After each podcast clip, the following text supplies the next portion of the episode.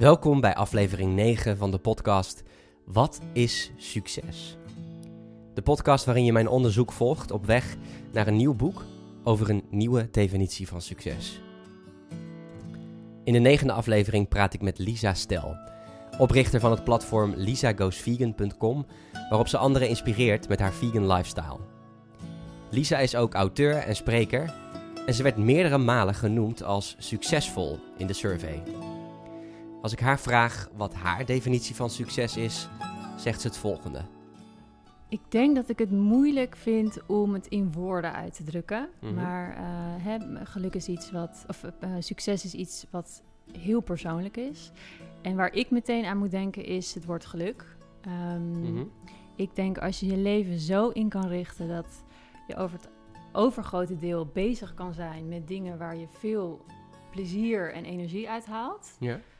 Dat je dan, ehm, dat je dan, ja, dat je dan succesvol bent. Ehm, en ik denk dat, het, en dat geluk daar een hele belangrijke factor van is.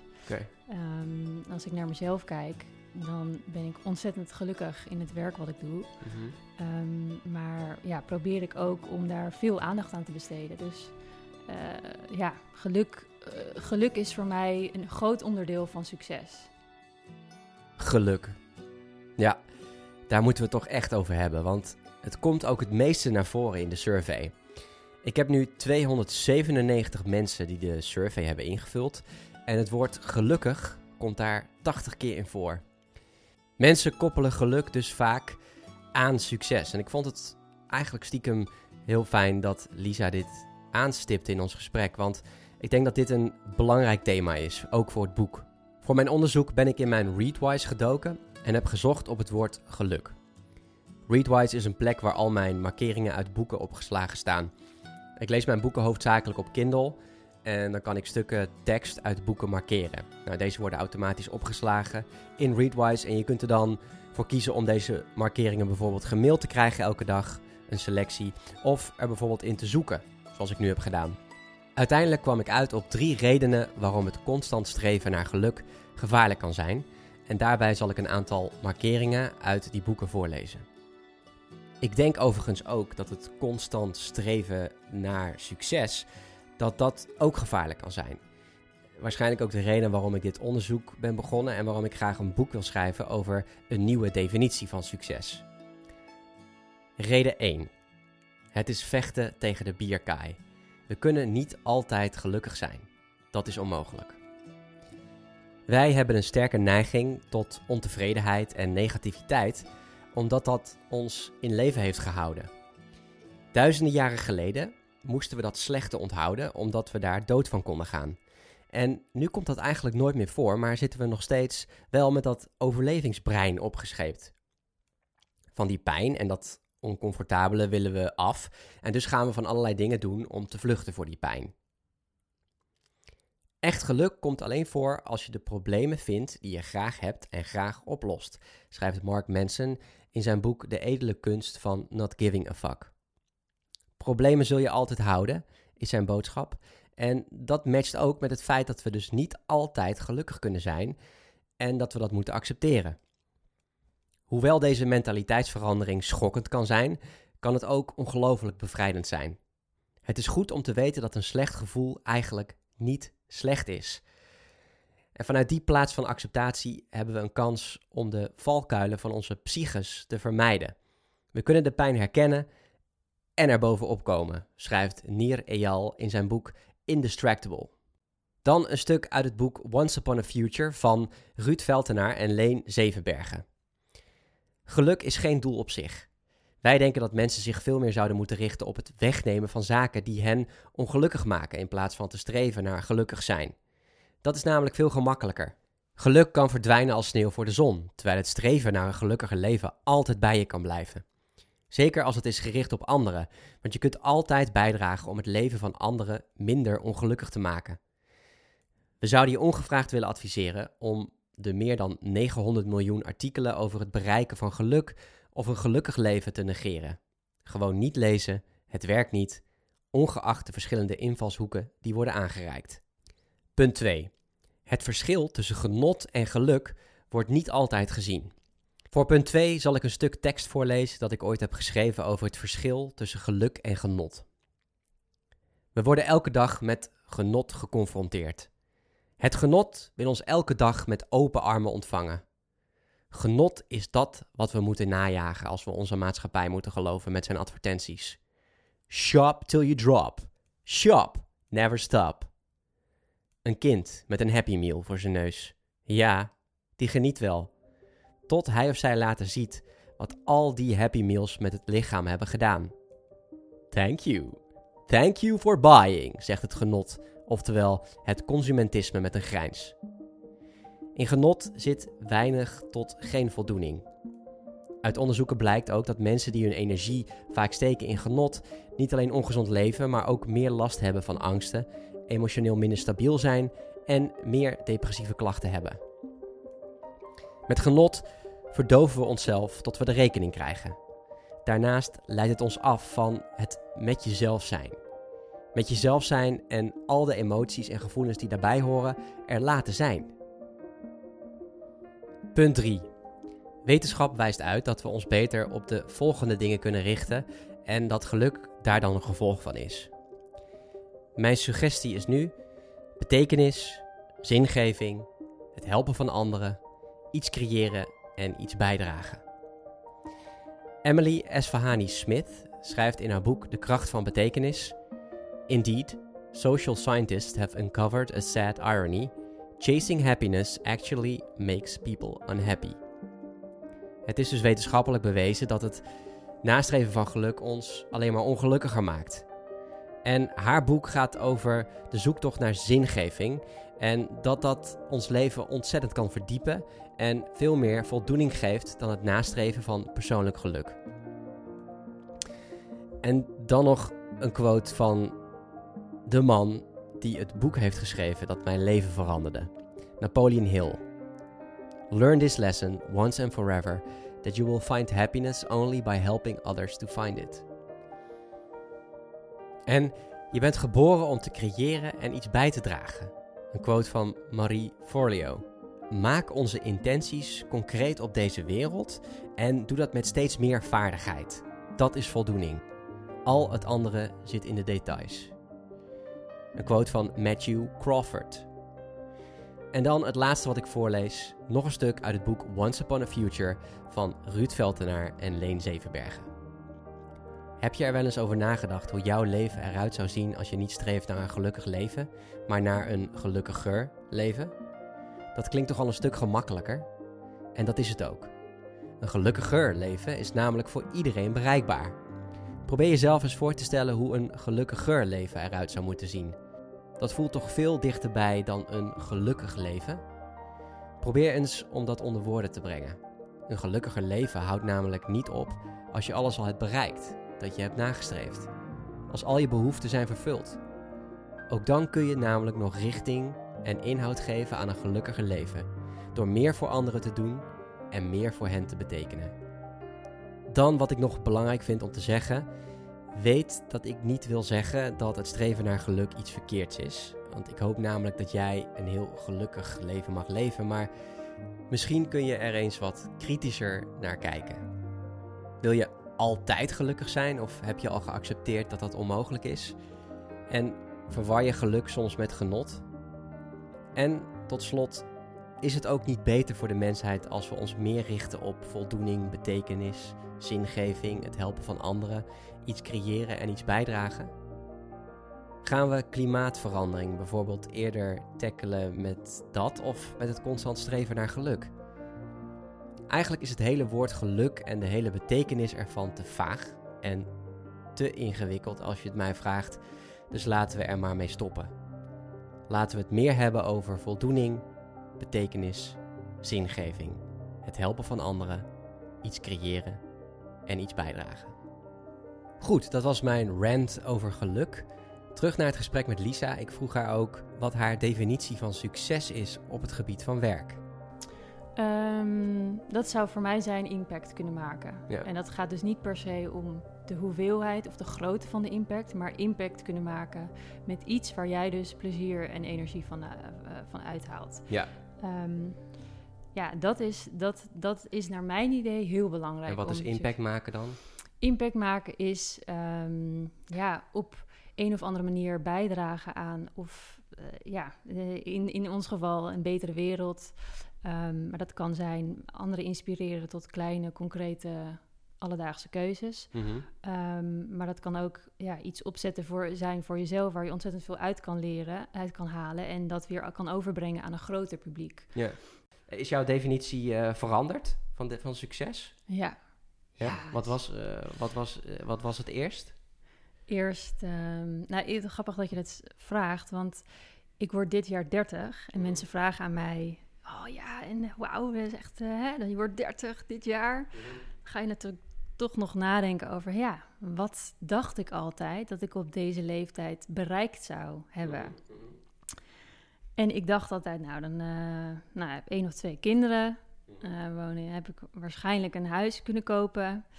Een leuke relatie. Ehm, nou ja, hè, idealiter beleggen, you, you name it. Om dat soort dingen. Ehm, en nu denk ik, ja, ik, ik, dat, dat, is helemaal niet succes. Althans, veel elementen die dragen bij aan gelukkig zijn en indirect daarom ook aan eh, succesvol zijn. Maar het zijn niet eisen om, eh, om, hè, om, om succesvol of gelukkig te zijn.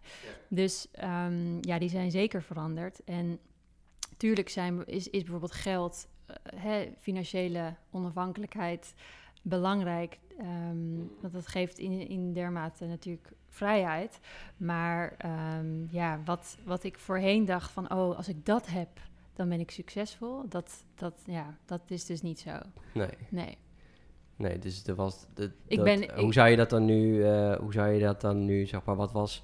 Waar ging het dan voor jou vooral om de- hiervoor? En, Ehm, nou, ik ben er ja, langzamerhand natuurlijk ook achter gekomen dat, eh, dat die dingen geen. die staan niet gelijk aan, aan, aan gelukkig zijn of succes. nee, En wat ik een bepaalde beschreef. zekerheid misschien was Precies, het. eh, ja. En, en, en, en eh, iets, Ja. iets van bezit. Ja, Ja, je, je, eerst was het dus heel erg ehm, eh, kinderen, een huis. nou, laten we het even hebben. Over, laten, we het, laten we het noemen bepaald bezit, zekerheid en, en, en geld. En nu is het, gaat het veel meer over eh, dagelijks energie halen, de dingen die je doet. En voldoening. oprecht Ja. gelukkig zijn, voldoening inderdaad. Ehm, nou, twee soorten van succes eigenlijk. Die, en je bent nu, je hebt nu de stap gemaakt naar die, naar die tweede, die, die het nu is. Is er iets wat, wat daar veel invloed op heeft gehad? Of is dat organisch gegaan? Mm, als ik het vanuit een zakelijk eh, oogpunt bekijk, denk ik aan het moment van ehm, mijn eerste boek. Ik had een kantoortje in, ehm, eh, in West. En ehm, ik weet nog het, het eerste moment dat die pallets met boeken aankwamen. En mijn stagiaire was erbij. En nou, ik had maanden uitgekeken naar het moment van... wauw, dan heb ik voor het eerst dit boek in handen. Ja. Ja, zij met de camera Helemaal filmen zelf en doen. gemaakt? Oh, Helemaal helemaal zo. Ja, Ook zelf gepubliceerd, Ja. zelf uitgegeven. Dus ja, eh, dat is nog wel eventjes eh Bloed, waard om te en zeggen. tranen. Niet eh, bij een eh, traditionele uitgeverij, maar helemaal zelf. ja, Wel met hulp natuurlijk van eh, experts, maar zeker. Ja. Ja. behoorlijke klus. Enorme klus. Ja. Eh, tien jaar ouder geworden, maar ontzettend leuk om dat zelf te doen. Eigenlijk word je 40. Ja. Ja. En, eh, en, en ja, dat moment dat daar, ik had daar, ik had het zo groot gemaakt van dat is het moment dat mij ultiem gaat voelen van wauw, dit is het. En toen Uh-huh. kwam het. En eh, nou, wij, die- wij die pallets openmaken en ik zag het, nou, het, het voelde fantastisch, Mhm. maar het was veel minder ja, groots dan ik dacht. Eh, eh, en ik besefte ook op dat moment van, joh, deze reis ernaartoe was al fantastisch. En Mhm. telkens die stukjes, er zijn ook heel veel dingen misgegaan, ehm, zijn eigenlijk ook succesvol geweest, omdat ik daar ook weer heel veel heb uit eh, kunnen leren. Mhm. Ehm, en ja, dan, dan, dan zeggen andere mensen, wat een prachtig boek, wat leuk. Ehm, maar eigenlijk voel je het pas als je, ja, als je zelf ehm, toch stilstaat bij dat hele proces. En was ik vooral ook dankbaar voor alles wat dus mis, is, mis was gegaan. Mhm. En wat ik heb mee kunnen leren voor mijn tweede boek. Ehm, maar dat, dat gaf ook aan van, joh, dan ziet iedereen jou als heel succesvol dat eigen boek uitgebracht. Ehm, Terwijl ik me eigenlijk eh, het meest succesvolle voelde toen ik uh, nou ja, gewoon doodvermoeiend op dat kamertje op vrijdagavond om 11 uur zat te typen. Ik dacht, wauw, ik ga gewoon door en ik maak het af. En mm. dat voel, dat, dat, daar denk ik aan als ik denk, oh, wat, toen voelde ik me succesvol. En niet per se op de boeklancering of op het moment dat ik die, uh, dat boek voor het eerst in handen had. Dus meer het proces dan het resultaat. Ja, ja. Wie vind jij uh, succesvol en waarom?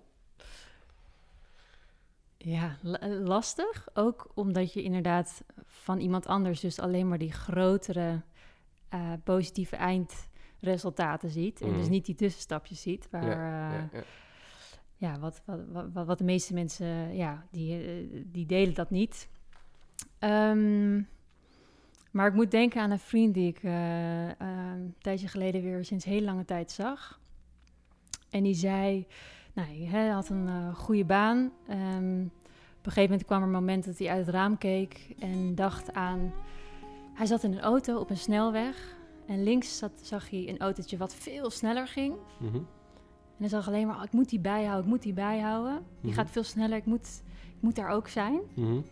En rechts zag je ook een autootje, die was hij aan het inhalen.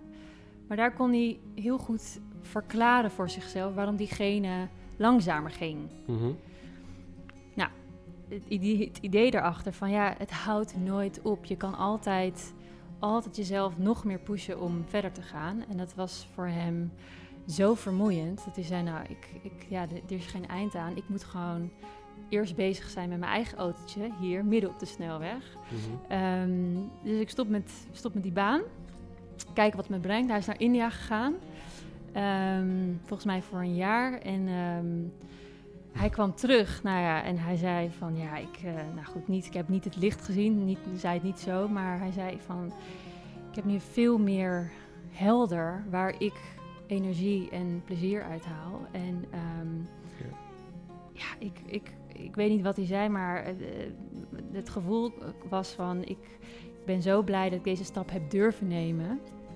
En hij was ook niet bang voor wat er komen zou gaan. En dat vond ik heel bijzonder. Dat, ik kreeg het gevoel van oké, het, het komt goed. Ik ga nu hiermee aan de slag, stap voor stap. En dat weet niet, dat vond ik heel mooi om, uh, ja, om, om te horen dat hij zo bezig was met. Ik ga hier uh, stap voor stap allerlei dingen in werking zetten. Um, op zoek naar een nieuwe baan. Um, iets wat bij me past. En zonder die kip, hè, zonder, die kip zonder kop uh, mentaliteit, maar meer bewuster um, ja, en mm. helderder erin staan. En ja. ik vond dat, ik dacht van wauw, ja, dat, dat vind ik heel inspirerend. ja. ja. Uh, het is heel belangrijk om jezelf goed te leren kennen. Te weten wat jij ook net bij die jongen uh, beschrijft, jouw vriend. Een vriend van jou. Ja. Um, ik, weet nu, ik weet nu beter waar ik plezier uit haal en wat er in mij drijft, zeg maar. Waar, ja. Wie ik ben. Um, hoe, heb jij dat, hoe heb jij dat gedaan? Zijn er dingen die bij jou heel erg daarin hebben geholpen? In het uh, jezelf leren kennen?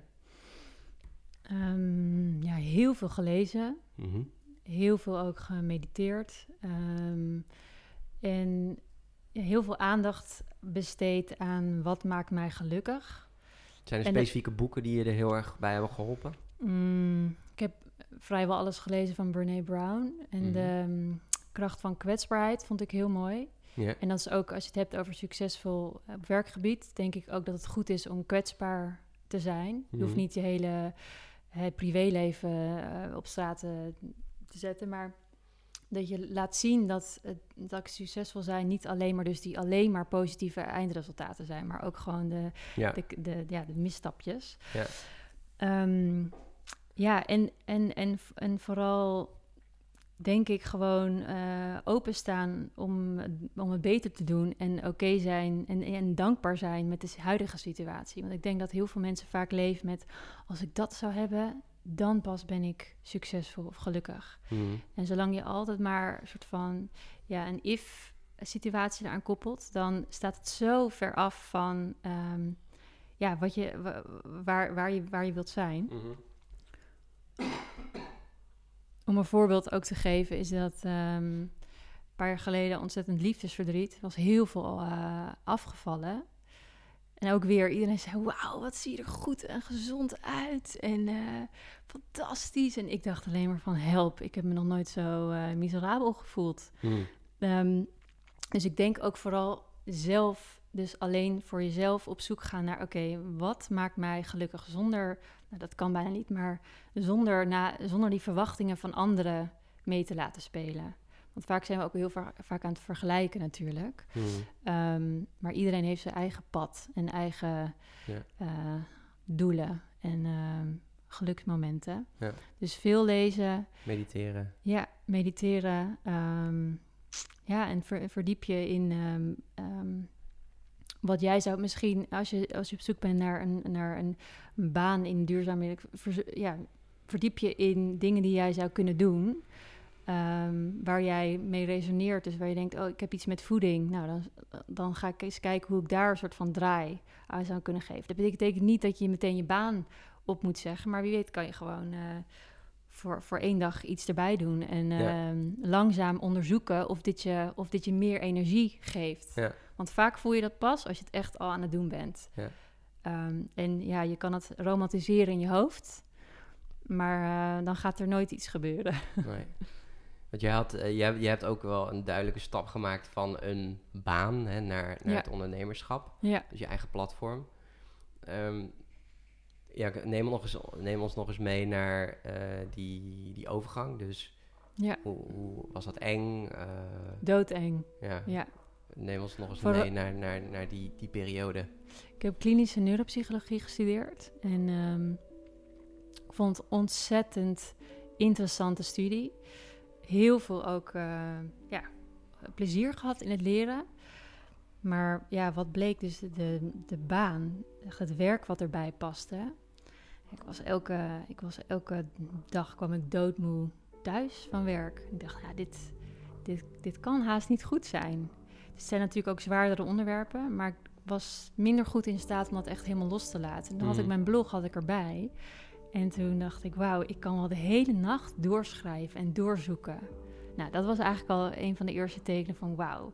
Ik kan hier de hele nacht, bij wijze van spreken, over doorschrijven, door- doorzoeken, fotograferen, hè, tips eh, opschrijven. En ik zie er als een berg tegenop om morgen twee, drie uur naar, hè, naar de klini- kliniek te gaan om, eh om patiënt te zien, zeg maar. Mhm. Dus eh, dat was al eerst soort van, eigenlijk was het lichamelijk al een eerst, eerst van teken Ja. van dit, dit, Signaal. ja, Ja. dit, eh, dit is een enorm goed. verschil. Ja. Ja. Ik vond doodeng om meteen te stoppen. Dus ik heb het allemaal heel nou, redelijk goed ingedeeld door, door ehm, verschillende ehm, werkgevers. Dus ik werkte toen tijd ook nog voor een dierenrechtenorganisatie. Ehm, dus ik heb langzaam, stap voor stap, ben ik ja, toebewogen naar wat mij meer energie gaf. En op een Mhm. gegeven moment dacht ik, ja, ik lijk wel gekke Henkie als ik dit niet helemaal eh, ga doen. Mhm. Dus ehm, ja, ik, ik denk dat het ook. eh, het is je hoeft niet een enorme stap te nemen. Kijk eens wat het met je doet als je al. Ja, als je iets verandert. Mhm.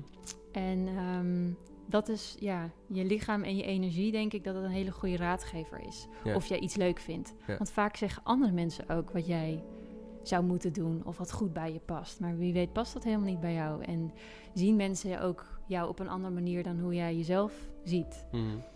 Ehm, En toen Ja. heb je lang, heb je in één keer de baan opgezegd?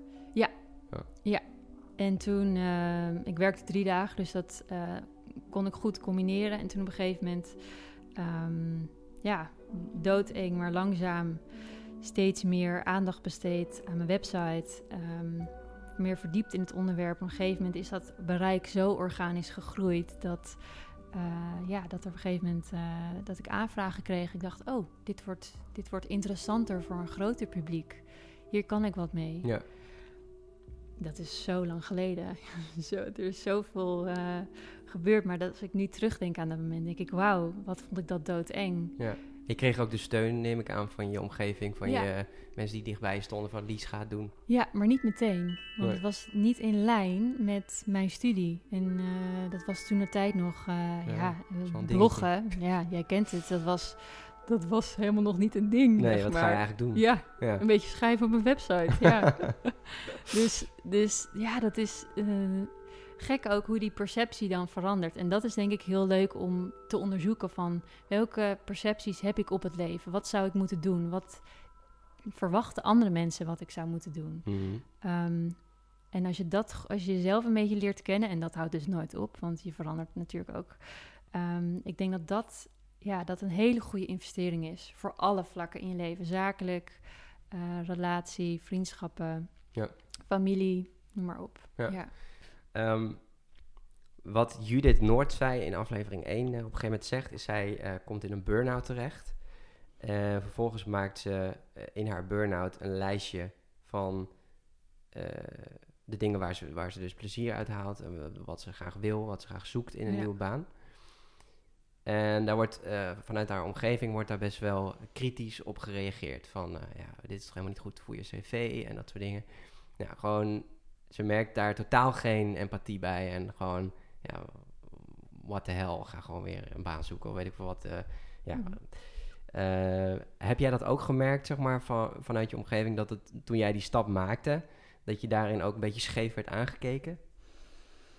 Ehm, ja, het was. Het, ehm, laat ik het zo zeggen. Het, het was zeker een ehm, niet voor de hand liggende stap.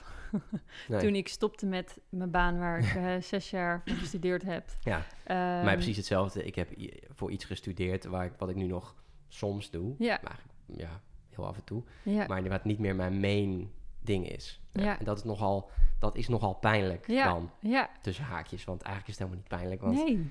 Je maakt gewoon de stap om te kiezen voor, je, voor wat jij echt Ja. wil. En niet wat je denkt dat je zou moeten doen. Of Ja, heel erg je... want voelt het, voor- voelt het voor jou dan een beetje ehm, verloren jaren of zo? Of is het dat je... Eh, ja, vooral het moment, zeg maar de, de periode na de toneelschool. Dus als ik net afgestudeerd was, toen ik ook nog in de horeca werkte. Die voelde eigenlijk heel kloten, want toen was ik zeg maar niet aan het doen waar ik voor had gestudeerd. Ja, Maar ondertussen kreeg ik ook niet heel veel waardering op de plek waar ik werkte. En voelde het alsof dit totaal niet was wat ik voor de long, long term wilde gaan doen. ja, Dus toen zat ik eigenlijk... En ja, dan zit je dus heel erg in je kop van... Oh shit, ik heb dat gestudeerd. Ik doe er helemaal geen reet mee. Zonde, zonde, zonde.